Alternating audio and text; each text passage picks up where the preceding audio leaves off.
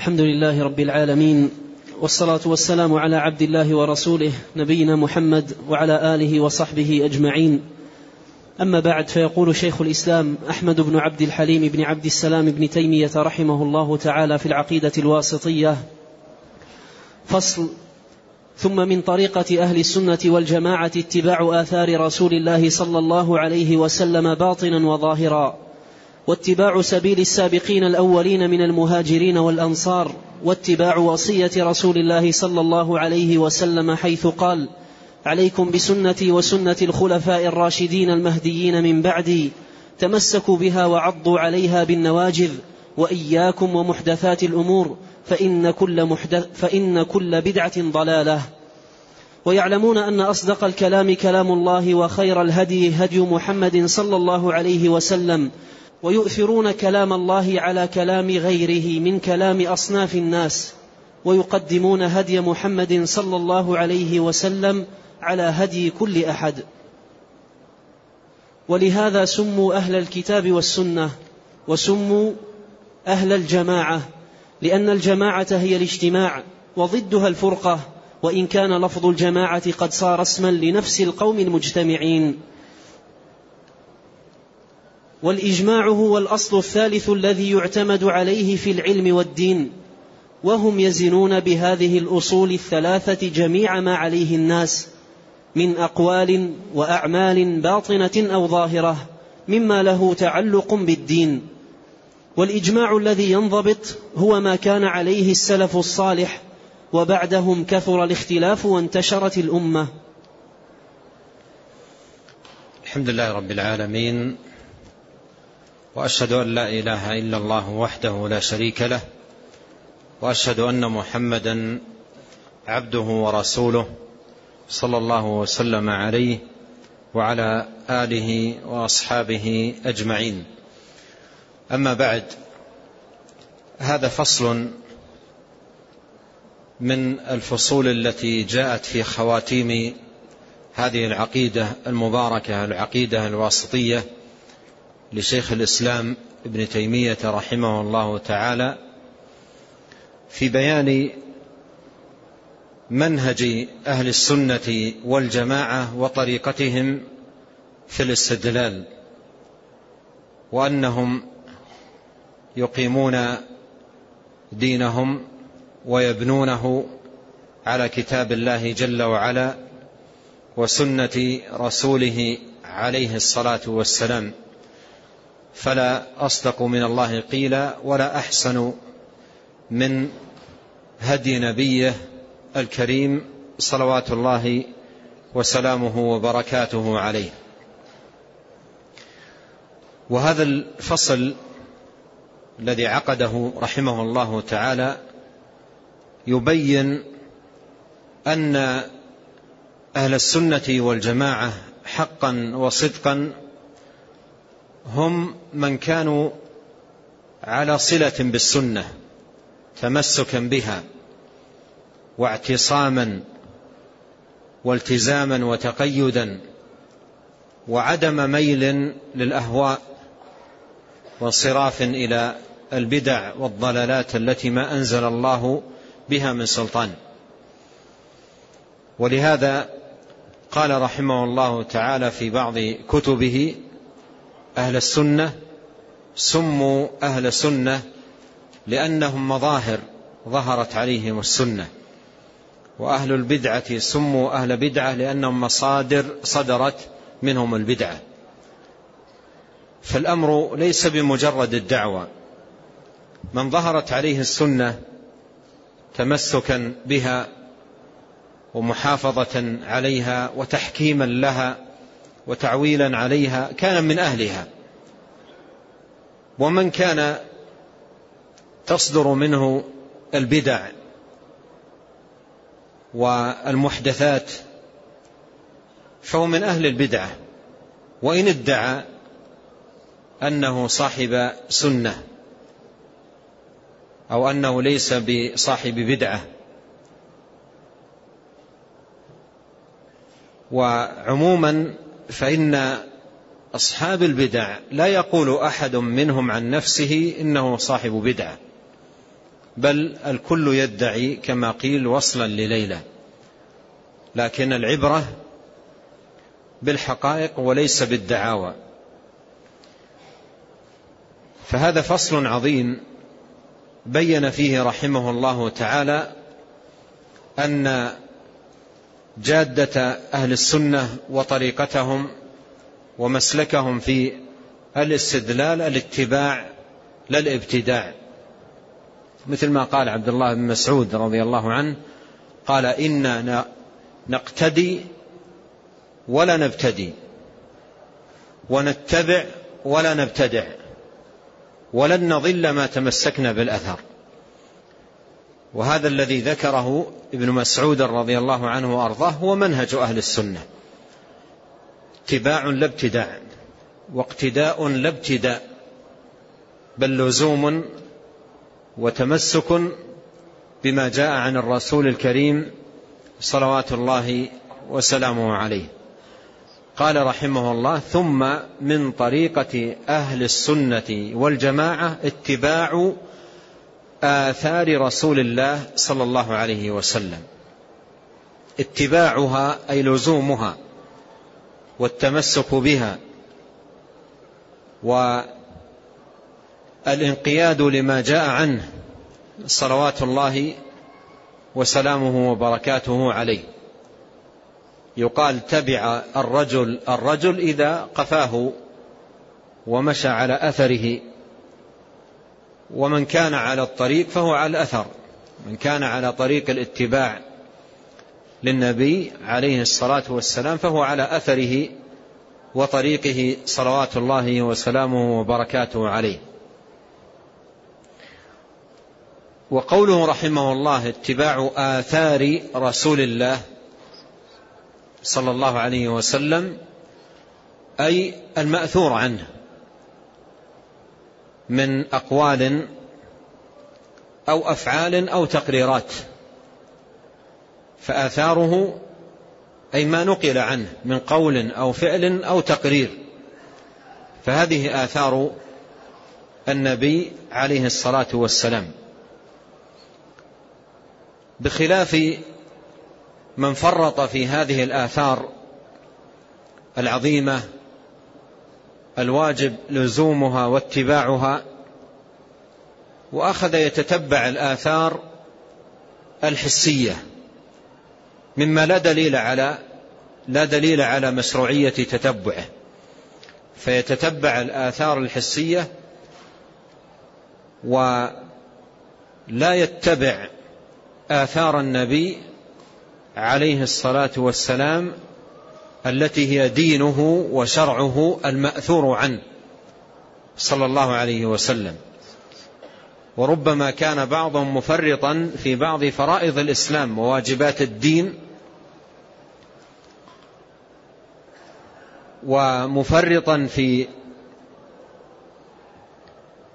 طاعة النبي عليه الصلاة والسلام في ترك الحرام واجتنابه. ولكنه متتبعا للآثار الحسية مما لا دليل ولا مشروعية على تتبعه. فآثار النبي عليه الصلاة والسلام أي دينه المأثور عنه من أقوال وأفعال وتقريرات. ودين النبي صلى الله عليه وسلم آثار. دينه عليه الصلاة والسلام آثار. نقلت عنه بالروايات والأسانيد فهي تؤثر عنه وتنقل ينقلها العدول الثقات عن مثلهم إلى النبي الكريم صلوات الله وسلامه وبركاته عليه. وهذا الاتباع منهم أي أهل السنة والجماعة لآثار النبي عليه الصلاة والسلام هو اتباع في الظاهر والباطن. ليسوا أقواما يتظاهرون باتباع النبي عليه الصلاة والسلام بل هم متبعون له ظاهرا وباطنا سرا وعلنا. أما في قلوبهم فهم يتبعونه في الإخلاص الصدق مع الله الخوف والخشية المراقبة الاستعانة بالله والتوكل عليه إلى غير ذلك من أعمال القلوب الباطنة التي يتبعون فيها نبيهم عليه الصلاة والسلام ويقتدون بهديه الكريم. وظاهرا أيضا يتبعون النبي عليه الصلاة والسلام في أعمال الدين الظاهرة وشعائره من صلاة وزكاة وغير ذلك من الأعمال المشروعة فرضا أو نفلا. فهم في كل ذلك يتبعون النبي عليه الصلاة والسلام وينهجون نهجه القويم ويلزمون صراطه المستقيم. قال واتباع أي من طريق أهل السنة اتباع آثار رسول الله صلى الله عليه وسلم واتباع سبيل السابقين الأولين من المهاجرين والأنصار. لأن هؤلاء السابقين من المهاجرين والأنصار هم خيار الأمة وأبر الأمة قلوبا. وأحسنهم علما وعملا وأخذوا دينهم من النبي عليه الصلاة والسلام مباشرة بلا واسطة. أكرمهم الله جل وعلا برؤية نبيه عليه الصلاة والسلام وسماع حديثه وتلقي سنته منه صلوات الله وسلامه وبركاته عليه. وقد قال الله تعالى والسابقون الأولون من المهاجرين والأنصار والذين اتبعوهم بإحسان رضي الله عنهم ورضوا عنه. فأثنى جل وعلا هذا الثناء العاطر على المتبعين للسابقين الأولين من المهاجرين والأنصار بإحسان. فدل ذلكم على أن اتباع السابقين الأولين هو محل نيل رضا الله سبحانه وتعالى وترك اتباع سبيلهم محل نيل سخطه وغضبه جل وعلا. ولهذا قال الله تعالى في آية أخرى ومن يشاقق الرسول من بعد ما تبين له الهدى ويتبع غير سبيل المؤمنين نوله ما تولى ونصله جهنم وساءت مصيرا فاتباع سبيل المؤمنين من السابقين الأولين بإحسان به ينال رضا الله عز وجل وبالتولي عن سبيلهم والإعراض عن نهجهم واتباع الأهواء والبدع التي ما أنزل الله تبارك وتعالى بها من سلطان ينال به الغضب والسخط. نوله ما تولى ونصله جهنم وساءت مصيرا. قال واتباع وصية رسول الله صلى الله عليه وسلم حيث قال وعليكم بسنتي وسنة الخلفاء الراشدين المهديين من بعدي تمسكوا بها وعضوا عليها بالنواجذ وإياكم ومحدثات الأمور فإن كل بدعة ضلالة.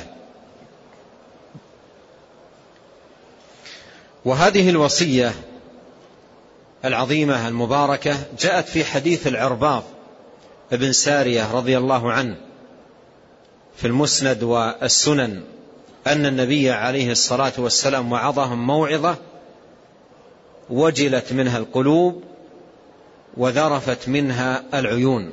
قال فقلنا يا رسول الله كأنها موعظة مودع فأوصنا. قال أوصيكم بتقوى الله والسمع والطاعة وإن تأمر عليكم عبد فإنه من يعش منكم فسيرى اختلافا كثيرا. فإنه من يعش منكم فسيرى اختلافا كثيرا. والناصح المشفق على نفسه إذا سمع بهذا الخبر الصادق عن نبينا عليه الصلاة والسلام فسيرى اختلافا كثيرا. يبحث عن المخرج يبحث عن سبيل النجاة. إذا كان الاختلاف الكثير سيوجد فما الحل؟ وما المخرج وما سبيل النجاة؟ أجاب عليه الصلاة والسلام على هذا السؤال الذي يطرح نفسه في هذا الموضع كما يقال دون أن يسأل عليه الصلاة والسلام. فذكر المخرج قال عليكم بسنتي. هذا هو المخرج. عليكم بسنتي وسنة الخلفاء الراشدين المهديين من بعدي تمسكوا بها وعضوا عليها بالنواجذ وإياكم ومحدثات الأمور فإن كل بدعة ضلالة. ويتلخص هذا المخرج في أمرين. الأول لزوم السنة والاستمساك بها والتعويل عليها. والأمر الثاني مجانبة البدعة والحذر منها. أما لزوم السنة فقال عليكم بسنتي وسنة الخلفاء الراشدين المهديين من بعدي إلى آخره.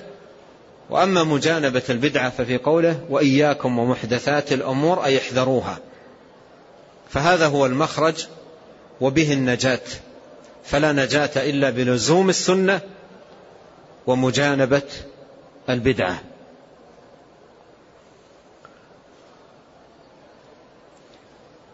وقوله في هذا الحديث وسنة الخلفاء الراشدين المهديين. المراد بالخلفاء أي الأربعة. المراد بالخلفاء الأربعة أي الأربعة وهم أبو بكر وعمر وعثمان وعلي. كما جاء في حديث سفينة رضي الله عنه أن النبي عليه الصلاة والسلام قال تكون بعدي خلافة ثلاثون سنة ثم يكون ملكا. فالخلافة التي استمرت ثلاثون سنة هي خلافة أبي بكر ثم عمر ثم عثمان ثم علي. كانت مدة خلافة هؤلاء ثلاثون سنة. فقوله عليكم بسنتي وسنة الخلفاء الراشدين المهديين أي أبي بكر وعمر وعثمان وعلي. وهذا فيه فضل هؤلاء الأربعة وما لهم من خصوصية كما هو واضح في هذا الحديث العظيم. وقد وصف عليه الصلاة والسلام هؤلاء الخلفاء بصفتين عظيمتين فيهما الدلالة على كمال صلاحهم في العلم والعمل. وذلك في قوله الراشدين المهديين. والراشد ضده الغاوي والمهتدي ضده الضال. فأثبت لهم الرشاد الذي يعني السلامة من الغواية وأثبت لهم الهداية التي تعني السلامة من الضلال. وقد قال الله سبحانه وتعالى في وصف نبيه عليه الصلاة والسلام في سورة النجم ما ضل صاحبكم وما غوى. فنزهه الله سبحانه وتعالى عن هذين الأمرين وفي نفي الضلال ثبوت كمال العلم وفي نفي الغواية ثبوت كمال العمل. فوصف النبي عليه الصلاة والسلام في هذا الحديث للخلفاء الراشدين بالرشاد والهداية يعني صلاحهم في العلم وصلاحهم في العمل. فهم في العلم والعمل على أحسن حال. لما أكرمهم الله سبحانه وتعالى به من حسن اتباع وكمال ائتساء واقتداء بالنبي الكريم عليه الصلاة والسلام. الراشدين المهديين من بعدي تمسكوا بها تمسكوا بها وعضوا عليها بالنواجذ. وهذا تأكيد على أهمية الإمساك وشدة الاستمساك بما كان عليه الخلفاء الراشدون رضي الله عنهم وأرضاهم. قال وإياكم ومحدثات الأمور فإن كل بدعة ضلالة. إياكم أي احذروا وابتعدوا واجتنبوا ومحدثات الأمور أي الأعمال والأقوال المخترعة التي لا أصل لها في دين الله. ولا أساس لها من هدي رسول الله صلى الله عليه وسلم. في حديث آخر قال عليه الصلاة والسلام من أحدث في أمرنا هذا ما ليس منه فهو رد. فمحدثات الأمور أي الأعمال والأقوال المخترعة التي لا أصل لها في هدي النبي الكريم عليه الصلاة والسلام. قال فإن كل بدعة ضلالة. فإن كل بدعة ضلالة وكل باقية على عمومها. وهذا كلام ناصح أمين صلوات الله وسلامه عليه. قال كل بدعة ضلالة. ولو كان في الأمر استثناء لكان من تمام النصح أن يستثني إلا ما كان من البدع كيت وكيت. لكنه لم يستثني شيئا. قال كل بدعة ضلالة. ولو كان في الأمر استثناء لاستثنى عليه الصلاة والسلام. مثل الحديث الذي قال عليه الصلاة والسلام كل أمتي يدخلون الجنة. كل أمتي يدخلون الجنة. لما كان هذا العموم عليه استثناء ذكره عليه الصلاة والسلام. ولم يبقي العموم على عمومه. قال كل أمتي يدخلون الجنة إلا من أبى. هذا مستثنى. إلا من أبى. قالوا ومن يأبى يا رسول الله؟ من الذي تعرض عليه الجنة ويقول لا أريد؟ قالوا ومن يأبى يا رسول الله؟ قال من أطاعني دخل الجنة ومن عصاني فقد أبى. فإذا قوله كل بدعة ضلالة هذا على عمومه. كل أمر محدث في الدين لا أصل له ولا أساس. من هدي النبي عليه الصلاة والسلام فهو ضلاله مردود على صاحبه غير مقبول منه. ومن شرط قبول العمل موافقة السنة. فالله عز وجل لا يقبل من العمل إلا الخالص لوجهه الموافق لسنة نبيه عليه الصلاة والسلام. قال الله تعالى ليبلوكم أيكم أحسن عملا. والحسن في العمل لا يكون إلا بالإخلاص للمعبود والمتابعة للرسول عليه الصلاة والسلام. ولهذا قال الحسن البصري رحمه الله تعالى في معنى هذه الآية قال أخلصه وأصوبه. قيل يا أبا علي وما أخلصه وأصوبه؟ قال إن العمل إذا كان خالصا ولم يكن صوابا لم يقبل وإذا كان صوابا ولم يكن خالصا لم يقبل حتى يكون خالصا صوابا والخالص ما كان لله والصواب ما كان على السنة.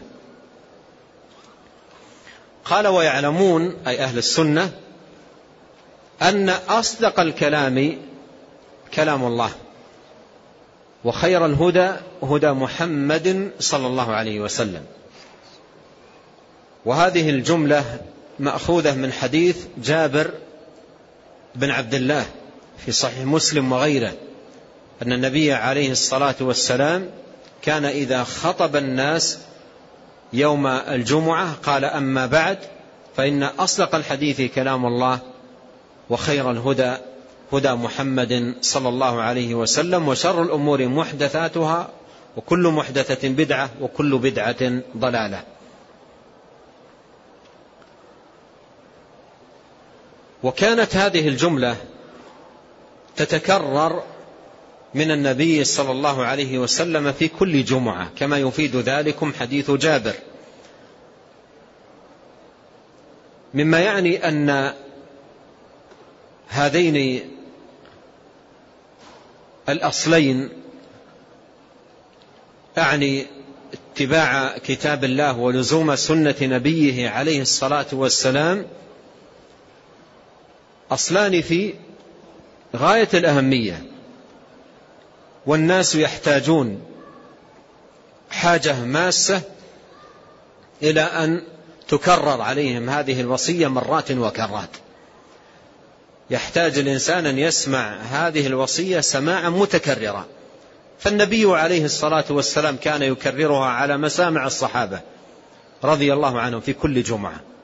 أما بعد فإن أصدق الحديث كلام الله وخير الهدى هدى محمد صلى الله عليه وسلم. ومن المعلوم أن مثل هذا التكرار لهذه الأصول العظيمة والأسس المتينة يقوي هذه الأصول ويمكن لها في القلب ويوسع لمساحتها في النفس فتصبح ثابتة راسخة متمكنة لا تزال مع مرور الأيام تزداد تمكنا ورسوخا. هذا من ناحية. من ناحية أخرى الناس لا يزالون مع مر الأيام تصادفهم أشياء وأشياء تصرفهم عن لزوم الكتاب واتباع السنة. والصوارف كثيرة جدا التي تخطف الناس وتحرفهم عن الجادة. فما أحوج الإنسان أن يسمع سماعا متكررا إن أصدق الحديث كلام الله. وخير الهدى هدى محمد صلى الله عليه وسلم. حتى إذا في أي لحظة أرادت نفسه أن تشرد هنا أو هناك وإذا بهذا التأصيل حاضر. إن أصدق الحديث كلام الله وخير الهدى هدى محمد صلى الله عليه وسلم. ولما فرط الناس في التأكيد على هذه الوصية والعناية بها أصبحت تلقى عليهم البدع فيأخذونها ولا يترددون. بينما إذا أكرم الله سبحانه وتعالى عبده بلزوم هذه الوصية أصدق الحديث كلام الله وخير الهدى هدى محمد صلى الله عليه وسلم فمعنى ذلك ألا يقام دين ولا يبنى شرع إلا على الكتاب والسنة. فالكتاب أصدق الحديث والسنة خير الهدي. وماذا بعد الحق إلا الضلال؟ قال ويعلمون أن أصدق الكلام كلام الله. كما قال الله سبحانه وتعالى ومن أصدق من الله قيل قل صدق الله وخير الهدى هدى محمد عليه الصلاة والسلام لأنه وحي من الله وما ينطق عن الهوى إن هو إلا وحي يوحى. فهديه عليه الصلاة والسلام خير الهدي. قال ويؤثرون كلام الله على كلام غيره على غيره من كلام أصناف الناس. يؤثرون كلام الله أي يقدمونه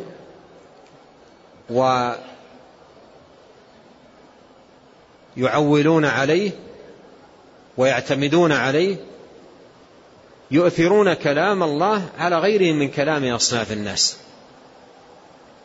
فإذا عرض أمر ما وقيل حكم الله كذا لقوله تعالى كذا ثم عورض بقول أحد من الناس لم يلتفتوا لقول هذا القائل كائنا من كان. بل يؤثرون كلام الله على غيره من كلام الناس.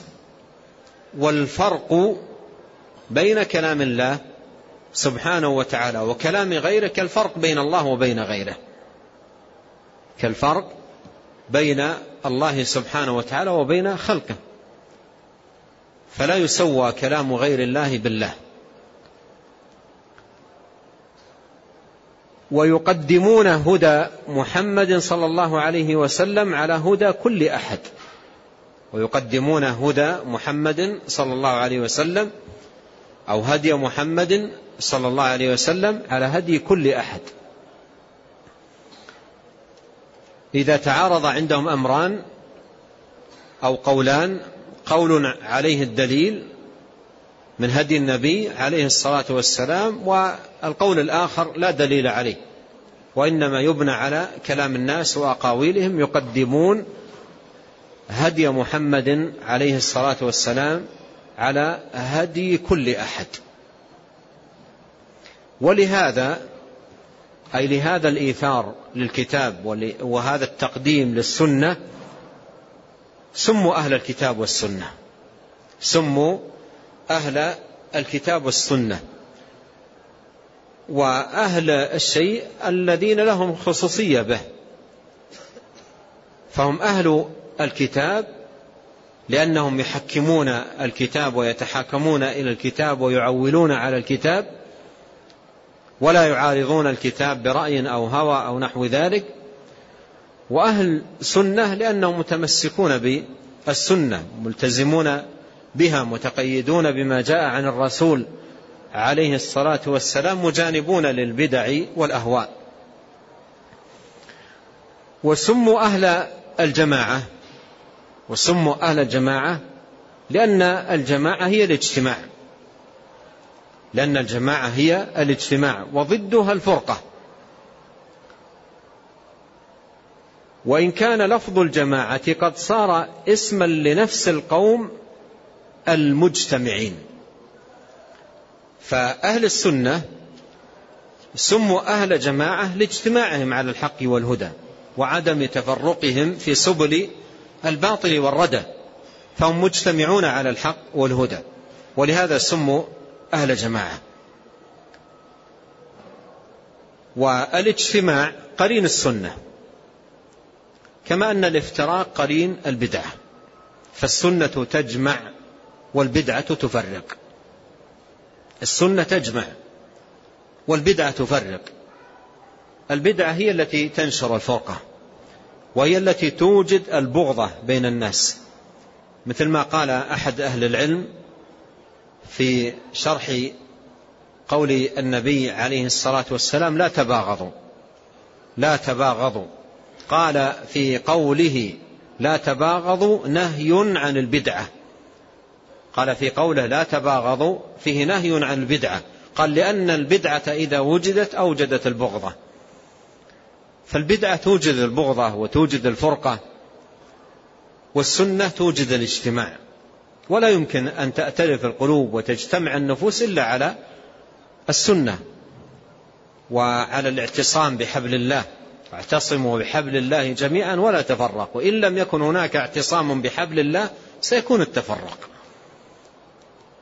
إذ لا اجتماع إلا على كتاب الله وسنة نبيه عليه الصلاة والسلام. ولهذا كانت الجماعة لزيم السنة والفرقة لزيم البدعة. يقال أهل السنة والجماعة وأهل البدعة والفرقة. فمتى وجدت السنة وجد الاجتماع ومتى وجدت البدعة وجد الافتراق. وهذا يبين لنا خطأ بعض المسالك التي تريد أن تجمع على غير سنة. تريد أن تجمع على غير سنة. باختلاف البدع وتباين الأهواء فيريدون أن يجمعوا ولو كانت العقائد مختلفة. والأديان والأقوال متباينة. فهذا أمر لا يمكن. لا يمكن أن يكون اجتماع بدون اتباع. لا يمكن. يعني هؤلاء يحاولون ما أمرا لا يكون. لأنهم لا يزالون في اختلاف لا يزالون في تباغض. حتى وإن وجد تظاهر بالإجتماع إلا أن النفوس فيها ما فيها. لا يمكن أن تجتمع النفوس حقا وصدقا إلا بأن تكون كلها على قاعدة واحدة قاعدة الاتباع والتمسك بهدي النبي الكريم عليه الصلاة والسلام. قال وسموا أهل الجماعة لأن الجماعة هي الاجتماع. فلما كان أهل السنة على الحق مجتمعين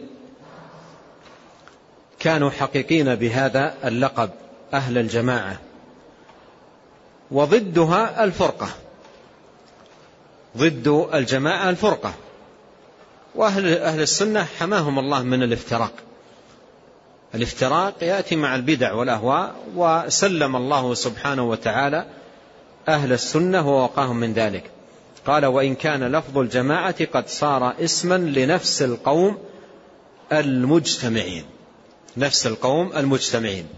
ويراد بالجماعة هنا أي القوم المجتمعين على كتاب الله وسنة نبيه عليه الصلاة والسلام. فليس كل اجتماع يعتد به ويكون أهله أهل الجماعة وإنما المراد بالجماعة من كانوا على الحق والهدى والنهج القويم المأثور عن الرسول الكريم صلوات الله وسلامه عليه. قال والإجماع هو الأصل الثالث. الأصل الأول الكتاب والأصل الثاني السنة.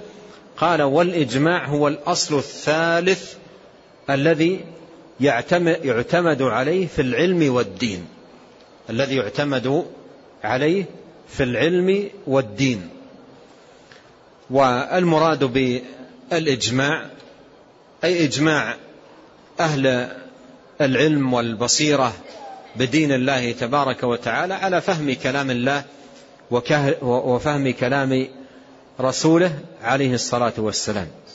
قال وهم يزنون بهذه الأصول الثلاثة جميع ما عليه الناس.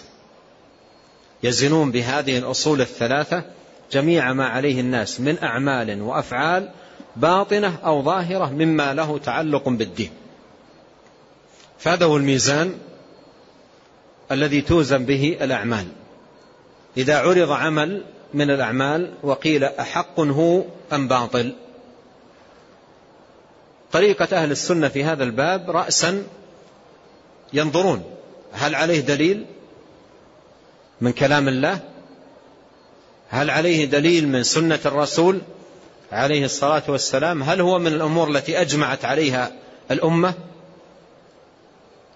إذا لم يكن عليه دليل من الكتاب والسنة ولا والإجماع يطرح.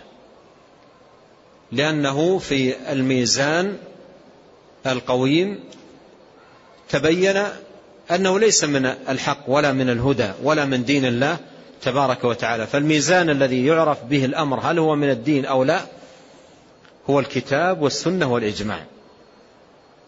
ولما ترك كثير من الناس هذا الميزان انخرطوا في أنواع من البدع والضلالات. حتى إن بعضهم إذا سئل عن عمل يمارسه ما دليلك على ذلك؟ ماذا يقول؟ ما دليلك على ذلك؟ ماذا يقول؟ حدث ولا حرج من أنواع الأدلة التي جعلت آه، مصادر للاستدلال لدى أقوام كثير. منهم من يستدل بالمنام ومنهم من يستدل بالقصص والحكايات ومنهم من يستدل بالأخبار الواهيات وأشياء كثيرة جدا أصبحت مصادر للاستدلال معرضين عن كلام الله وكلام رسوله صلى الله عليه وسلم والإجماع المعتبر. قال والإجماع. اقرأ. والإجماع. والإجماع الذي ينضبط. أيوة. والإجماع الذي ينضبط هو ما كان عليه السلف الصالح وبعدهم كثر الاختلاف وانتشرت الأمة. قال والإجماع الذي ينضبط يعني بعد قوله مما له تعلق بالدين. والإجماع. والإجماع الذي ينضبط هو ما كان عليه السلف الصالح وبعدهم كثر الاختلاف وانتشرت الأمة. فالإجماع المنضبط هو الذي كان في الصدر الأول لكن لما كثر كثرت الاختلافات وانتشرت الأمة أصبح الأمر في هذا لا ينضبط وإنما المنضبط هو ما كان عليه السلف الصالح أي في صدر الأمة. ويكون بهذا الفصل قد بين رحمه الله تعالى طريقة أهل السنة ومنهجهم في الاستدلال وأنهم يعولون على كتاب الله وعلى سنة رسوله صلوات الله وسلامه عليه وعلى الأصل الثالث الذي هو آه، الإجماع. وبهذه الأصول الثلاثة يزنون جميع ما عليه الناس من أعمال وأفعال باطنة أو ظاهرة مما له تعلق بالدين.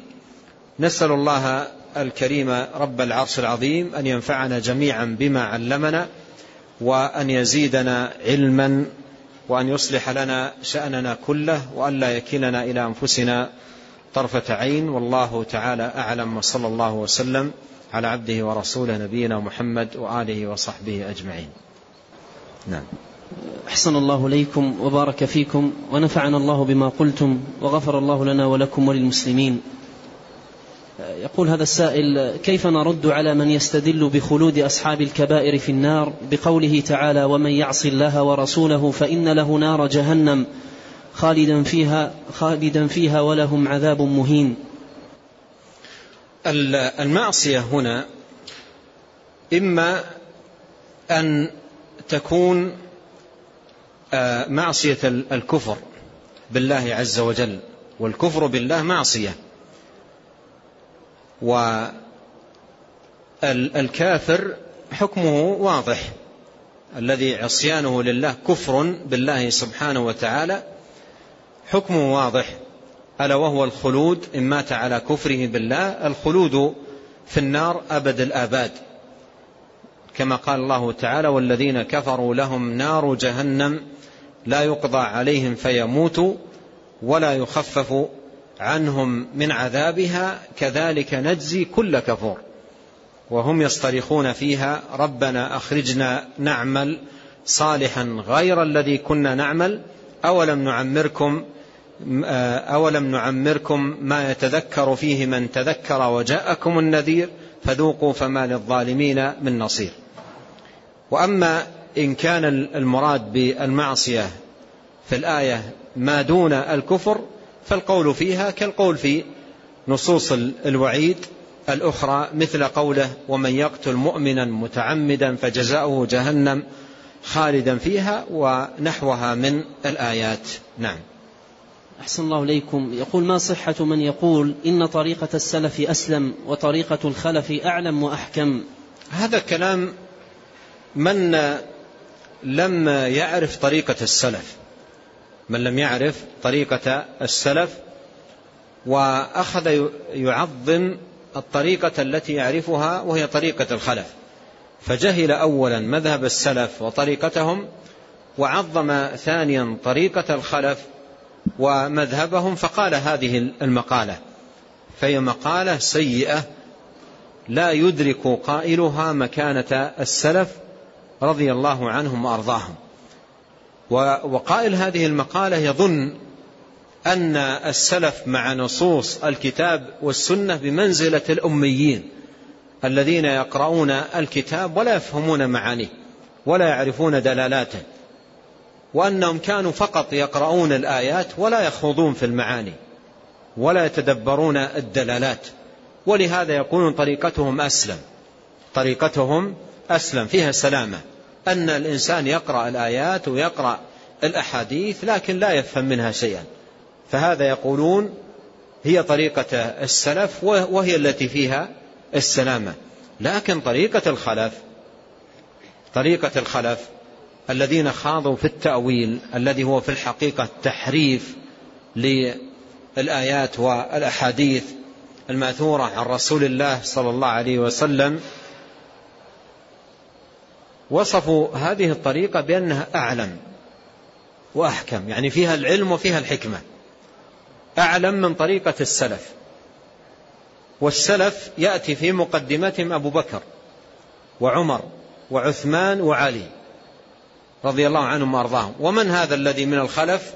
طريقة أعلم من طريقة أبي بكر ومن طريقة عمر ومن طريقة عثمان ومن طريقة علي. ومن الذي طريقته أحكم من طريقة أبي بكر وعمر وعثمان وعلي؟ وقد مر معنا قول النبي عليه الصلاة والسلام عليكم بسنتي وسنة الخلفاء الراشدين المهديين من بعده. فطريقة السلف هي الأسلم والأعلم والأحكم. وطريقة الخلف إذا كانت مجانبة لطريقة آه، السلف فهي الطريقة الأظلم والأبعد عن الحق والهدى. وهؤلاء في قولهم عن السلف إن طريقتهم أسلم بنوه على ما أشرت إليه سابقا وظنهم أنهم أن السلف كانوا فقط يقرؤون ولا يفهمون. فوقعوا في عدة محاذير تجاه السلف. الأول أنهم جهلوا السلف. الأول أنهم جهلوا السلف رموهم بالجهل. وأي رمي بالجهل أعظم من أن يقال إن السلف ما كانوا يفهمون المعاني وأن الخلف أعلم منهم بالمعاني. والمحذور الثاني أنهم جهلوا مذهب السلف.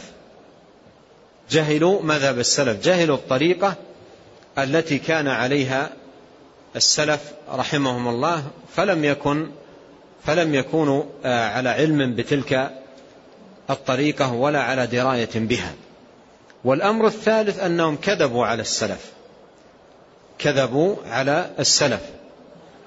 وخلاصة القول أن مذهب السلف رضي الله عنهم ورحمهم أسلم وأعلم وأحكم. نعم. أحسن الله إليكم. يقول كيف الجمع بين قوله صلى الله عليه وسلم إن كل بدعة ضلالة وقول عمر بن الخطاب رضي الله تعالى عنه أنها بدعة حسنة وهل هناك بدعة سيئة وبدعة حسنة؟ قول عمر بن الخطاب رضي الله عنه نعمة البدعة هذه لم يقل ذلك في أمر محدث في دين الله لا أصل له ولا أساس من دين الله تبارك وتعالى وإنما قال ذلك في أمر أصله واضح. وأساسه بين من هدي النبي عليه الصلاة والسلام. لما جمع الناس في صلاة التراويح على إمام واحد قال نعمة البدعة هذا وفي زمن النبي عليه الصلاة والسلام صلى بهم صلى الله عليه وسلم جماعة صلاة التراويح وصفوا خلفه عليه الصلاة والسلام. ثم توقف خشية أن يفرض عليهم. علل ذلك بقوله خشية أن يفرض عليكم. ولما جاء زمن عمر هذه الخشية انتفت. فجمعهم على إمام واحد مثل ما كانوا مجتمعين خلف النبي عليه الصلاة والسلام. فإذا قول عمر نعمة البدعة هذه أراد بالبدعة هنا ليس الشرعية لأنه ليس هذا آه، إحداث آه، في الدين ما ليس إحداث في الدين ما ليس منه وإنما هذا أمر من دين الله ودليله بين من هدي رسول الله صلى الله عليه وسلم فأراد عمر رضي الله عنه بالبدعة أي اللغوية يعني أنه أمر بديع وحسن وطيب وفعل جميل وليس مراده بذلك وحاشاه أنه ابتدع بدعة في دين الله لا أصل لها ولا أساس وأخذ يثني على ذلك و ويمدح ذلك فمن يظن بعمر بن الخطاب رضي الله عنه هذا الظن فقد أساء به الظن. من يظن بعمر بن الخطاب رضي الله عنه أنه أحدث شيئا في الدين لا أصل له ثم يمدح ذلك بقوله نعمة البدعة هذه أساء الظن في عمر بن الخطاب رضي الله عنه وأرضاه. فمراده بقوله نعمة البدعة هذه يعني أنه أمر بديع وأمر حسن. أما من حيث الشرع فهو عمل مشروع ثابت عن النبي الكريم عليه الصلاة والسلام. وأما تقسيم البدع إلى حسنة وسيئة بدعة حسنة وبدعة سيئة فهذا مصادم لقول النبي عليه الصلاة والسلام كل بدعة ضلالة. نعم. أحسن الله إليكم. ما الفرق بين المخلوقات والآيات؟ وهل كل مخلوق آية أم كل آية مخلوقة؟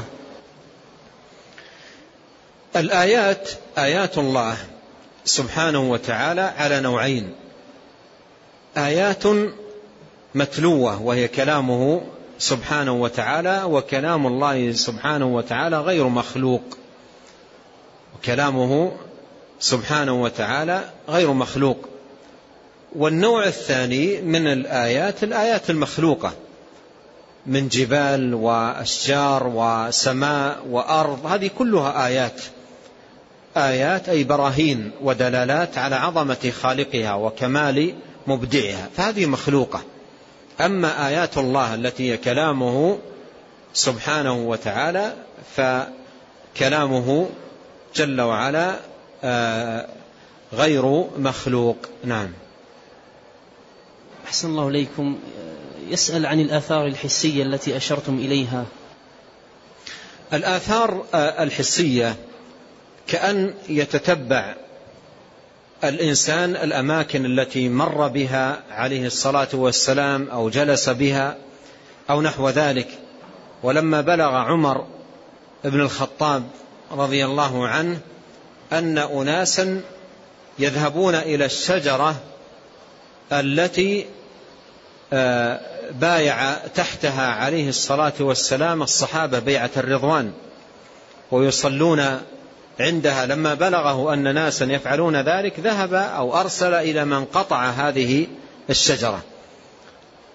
فكانوا آه، رضي الله عنهم وأرضاهم ينهون عن ذلك. ولهذا جاء إنما أهلك من كان قبلكم آه، آه، إنما أهلك من كان قبلكم تتبعهم لآثار أنبيائهم أو نحو آه، آه، نحو هذا المعنى. إنما هلك من كان قبلكم بتتبعهم آثار أنبياء أو كلاما قريبا من هذا المعنى. الشاهد أن اتباع الآثار آه، الآثار الحسية مما كان ينهى عنه الصحابة رضي الله عنهم وأرضاهم لما فيه من ذرائع تفضي بالإنسان ولا سيما ضعيف الإيمان وقليل الفهم والبصيرة بدين الله تبارك وتعالى إلى أنواع من التعلقات الباطلة التي ما أنزل الله بها من سلطان من تمسح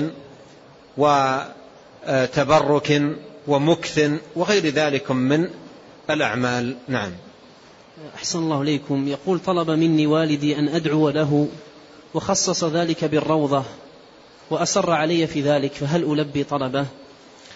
قال عليه الصلاة والسلام ما بين بيتي ومنبري روضة من رياض الجنة. ما بين بيتي ومنبري روضة من رياض الجنة والروضة خصت بهذه الفضيلة وهي مكان للصلاة والذكر والدعاء وقراءة القرآن وجميع الأعمال التي تفعل في المسجد تفعل في الروضة. فطلبه منك هو طلب منك أن تدعو له في مسجد الرسول عليه الصلاة والسلام وفي هذه البقعة تحديدا من مسجده. وأرجو أنه لا حرج لا حرج في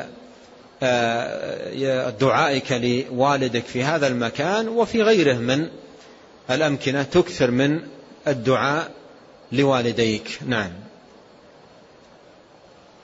أحسن الله إليكم. يقول هل من سمات أهل السنة والجماعة أن يقول الإنسان أنا حنفي أو شافعي أو مالكي؟ الذي يذم التعصب التعصب للمذاهب وأن يبلغ الإنسان الدليل الواضح البين فيعرض عنه ولا يقبل عليه. وقد قال الإمام الشافعي رحمه الله تعالى من استبانت له سنة النبي صلى الله عليه وسلم فليس له أن يدعها لقول أحد كائنا من كان.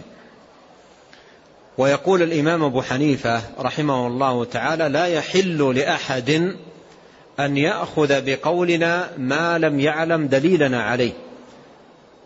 ويقول الإمام مالك رحمه الله تعالى كل يؤخذ من قوله ويترك إلا صاحب هذا القبر. يعني رسول الله صلى الله عليه وسلم.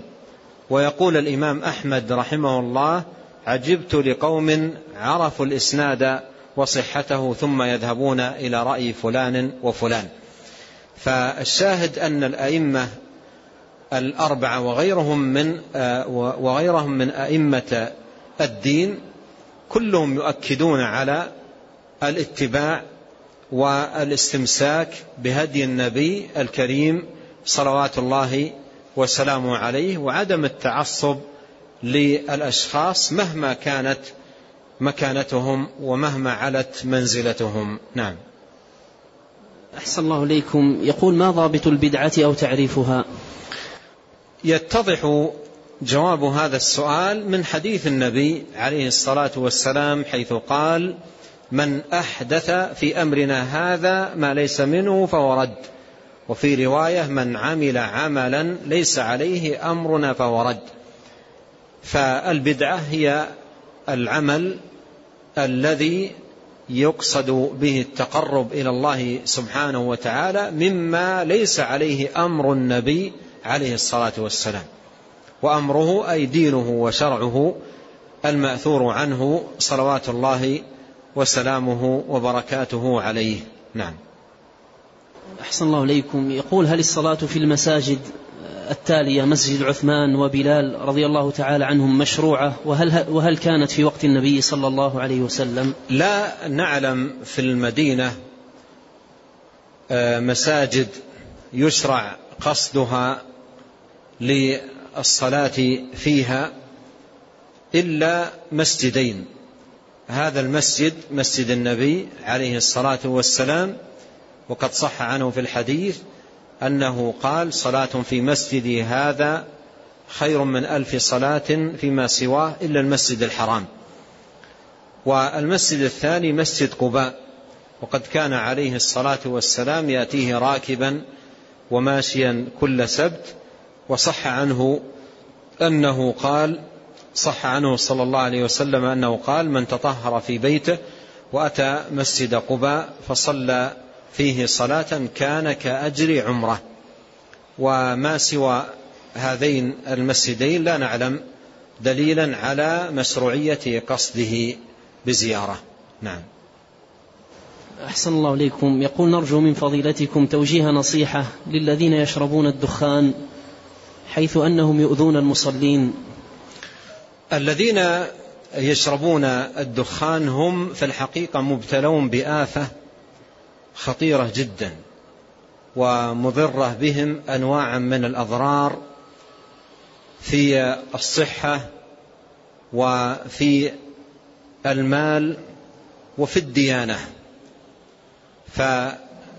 فالدخان كله مفاسد ولا خير فيه وكله مضار ولا نفع فيه. وشربه نوع من الابتلاء والفتنة والعياذ بالله وإلا لا فائدة فيه إطلاقا ولا منفعة. أما مضاره فلا حد لها ولا عد. أما مضرته الدينية على صاحبه لما فيه من معصية لله لأن شرب الدخان معصية. ودلت نصوص كثيرة جدا على تحريم الدخان. دلت نصوص كثيرة جدا في الكتاب والسنة دلت بعمومها على تحريم الدخان. ولهذا أه- أجمع أهل العلم والبصيرة بكلام الله وكلام رسوله عليه الصلاة والسلام على تحريمه وأنه من المحرمات. لا يجوز شربه ولا بيعه ولا الاتجار به. وألف العلماء رحمهم الله في ذلك كتب جمعوا فيها الدلائل من كلام الله وكلام رسوله صلى الله عليه وسلم مما يستفاد من تحريم تحريم التدخين. كقوله تعالى ولا تقتلوا أنفسكم وقوله تعالى ولا تلقوا بأيديكم إلى التهلكة وقوله تعالى ليحل لهم الطيبات ويحرم عليهم الخبائث وفي السنة أحاديث كثيرة جدا يستفاد منها ومن عمومها تحريم التدخين. فهو مضر بصاحبه من ناحية الدين لما فيه من المعصية. لله سبحانه وتعالى. ومضر بالمال لأن أموالا طائلة يصرفها المدخن وتذهب في الغالب لشركات اليهود لأن أغلب الشركات المصنعة للدخان تتبع آه، ملاك يهود. ويكون المدخن بصرفه لهذه الأموال يدعم اليهود بماله ويهلك صحته بدخانهم الذي صنعوه له. فحصل إساءة من جهتين من جهة دعم اليهود بهذا المال ومن جهة إهلاك نفسه بما صنعه له اليهود. فهم يهلكونه بهذا هذه الآفة ويربحون أو يأخذون منه على ذلك أموالا طائلة. أحد المدخنين حاسب نفسه من الناحية المالية. حاسب نفسه من الناحية المالية كم صرف من النقود في التدخين. وأخذ يحسب تقريبا أنه بدأ الدخان منذ كان عمرة كذا وفي اليوم كان يشرب كذا وسعرها كانت العلبة بكذا ثم في أخذ يعمل عملية حسابية تقريبا فوجد أنه صرف بالريال أكثر من سبعين ألف. أكثر من سبعين ألف. وهذه لما تتفرق في الأيام لا يحس بحجمها. لكن إذا حسبها في امتداد عمره الزمني يجد أنها آلاف. سبعين ألف تبني مسجد تبني دار أيتام. يكفل بها أسر أو يكفل بها يتيم. يجدها آه، آه، في مجالات عظيمة يقدمها في أعمال يلقى, يلقى الله سبحانه وتعالى بها ويسره أن يلقى الله بها. هذه الأموال الكثيرة التي يصرفها المدخن في في الدخان ماذا يكون موقفه عندما يسأل عن ماله؟ لا تزول قدم عبد يوم القيامة حتى يسأل عن أربع. وذكر منها عن ماله من أين اكتسب وفيما أنفقه. وفيما أنفقه. أيسره أن يلقى الله سبحانه وتعالى وقد أنفق الآلاف المؤلفة في هذا الدخان؟ قد قال عليه الصلاة والسلام إن هذه النار عدو لكم. يعمد لهذا العدو ويضعه جمرة بين عينيه ثم يسحب ما في هذه الجمرة من من دخان ومواد قدرة مواد قدرة ويسحبها إلى جوفه برائحتها الكريهة. يعني هذا ابتلاء حقيقة وإلا إطلاقا لا فائدة فيه. أما المضار الصحية فهذا يتحدث عنه الخبراء والمتتبعون بأرقام مهيلة من حيث عدد الأموات في العالم بسبب آه، الدخان وكذلك أنواع الأمراض التي يسببها تعاطي آه، الدخان.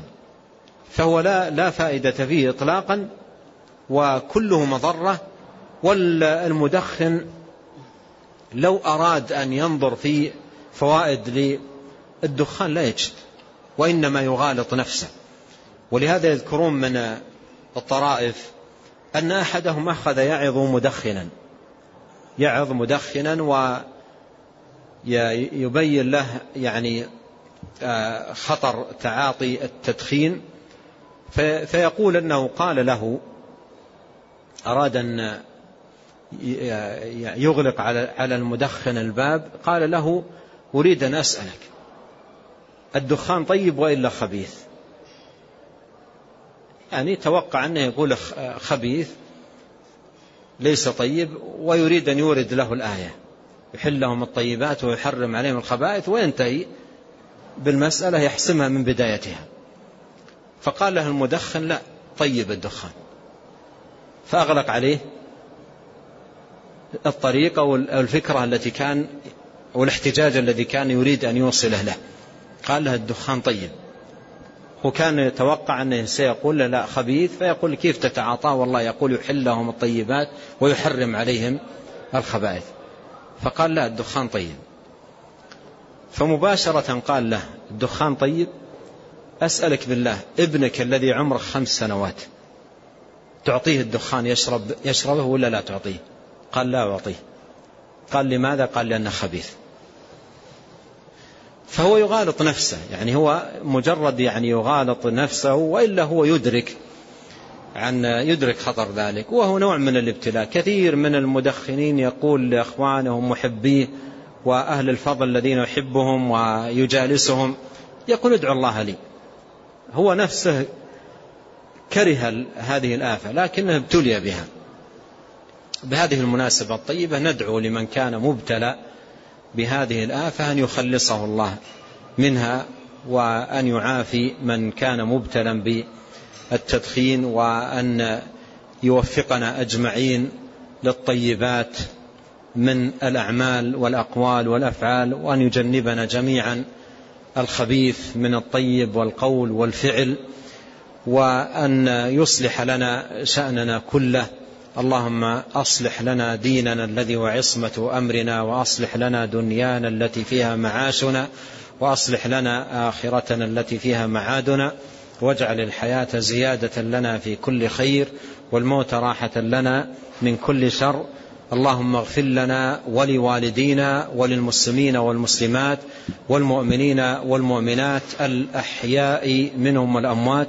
اللهم آت نفوسنا تقواها زكها أنت خير من زكاها أنت وليها ومولاها. اللهم أعنا ولا تعن علينا وانصرنا ولا تنصر علينا وامكر لنا ولا تمكر علينا. واهدنا ويسر الهدى لنا وانصرنا على من بغى علينا. اللهم اجعلنا لك شاكرين لك ذاكرين إليك أواهين منيبين لك مخبتين لك مطيعين. اللهم تقبل توبتنا واغسل حوبتنا وثبت حجتنا واهد قلوبنا وسدد ألسنتنا واسلل سخيمة صدورنا. اللهم إنا نسألك الثبات في الأمر والعزيمة على الرشد ونسألك شكر نعمتك وحسن عبادتك ونسألك قلبا سليما ولسانا صادقا ونسألك من خير ما تعلم ونعوذ بك من شر ما تعلم ونستغفرك مما تعلم إنك أنت علام الغيوب. اللهم اقسم لنا من خشيتك ما يحول بيننا وبين معاصيك ومن طاعتك ما تبلغنا به جنتك ومن اليقين ما تهون به علينا مصائب الدنيا. اللهم متعنا بأسماعنا وأبصارنا وقوتنا ما أحييتنا. واجعله الوارث منا. واجعل ثأرنا على من ظلمنا. وانصرنا على من عادانا. ولا تجعل مصيبتنا في ديننا. ولا تجعل الدنيا أكبر همنا ولا مبلغ علمنا. ولا تسلط علينا من لا يرحمنا. سبحانك اللهم وبحمدك. أشهد أن لا إله إلا أنت. أستغفرك وأتوب إليك. اللهم صل وسلم على عبدك ورسولك نبينا محمد وآله وصحبه أجمعين.